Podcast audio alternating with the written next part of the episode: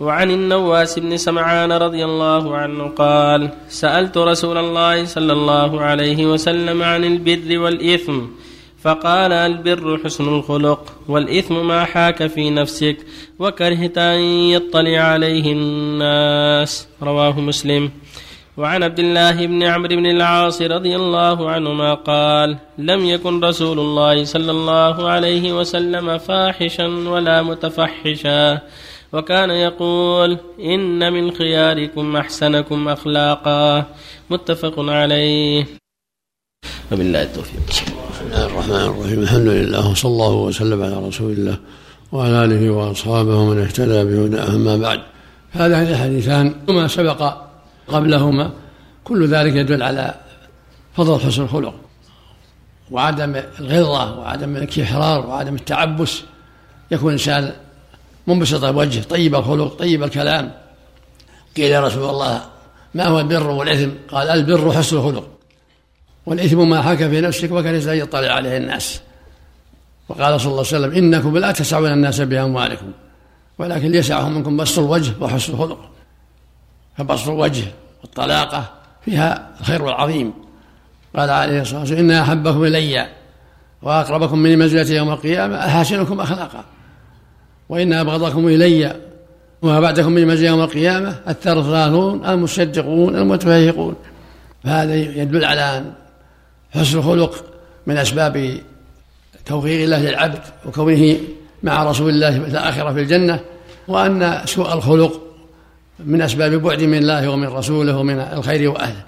فالواجب على المؤمن أن يجاهد نفسه حتى يبتعد عن الغلظة والشدة وسوء الخلق مع إخوانه المسلمين. وحتى يكون طيب الخلق حسن الخلق لين الجانب مع إخوانه المسلمين. يقول صلى الله عليه وسلم ما تواضع عبد لله إلا رفعه. وقال في المتقين في وصف المتقين والكاظم من الغيظ والعافين عن الناس. وقال جل وعلا فبما رحمة من الله لنت لهم ولو كنت فظا غليظ القلب فضوا من حولك. فالمؤمن يجاهد نفسه في حسن الخلق مع إخوانه المؤمنين ومع أهل بيته. زوجته وأهل بيته ومع أولاده ومع جيرانه لكن من ظهرت منه المعاصي والشرور ولم يقبل النصيحة جاز الإغلاق عليه الإغلاظ عليه والإنكار عليه كما قال جل وعلا ولا تجادلوا أهل الكتاب إلا بالتي أحسن إلا الذين ظلموا منهم. فإذا أظهر الشر ولم يقبل النصيحة هو محل الإغلاظ والتشديد عليه أو العقوبة. أما ما دام يرجى أنه يستجيب لحسن الخلق والكلام الطيب فهو مقدم مهما أمكن. علاج الأمور بطيب الخلق والكلام الطيب والأسلوب الحسن هذا مقدم مطلوب رزق الله الجميع التوفيق والهداية.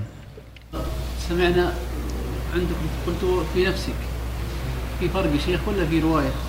ما حاك في صدرك عندنا. إيه. هذا معناه اللي يشتبه عليه الأمور والإثم ما حاك في نفسه. يعني صدره نفس صدره اشتبه عليه حلال ولا حرام يتركه حتى يتبين أمره. اللفظة صدرك أم نفسك؟ نعم.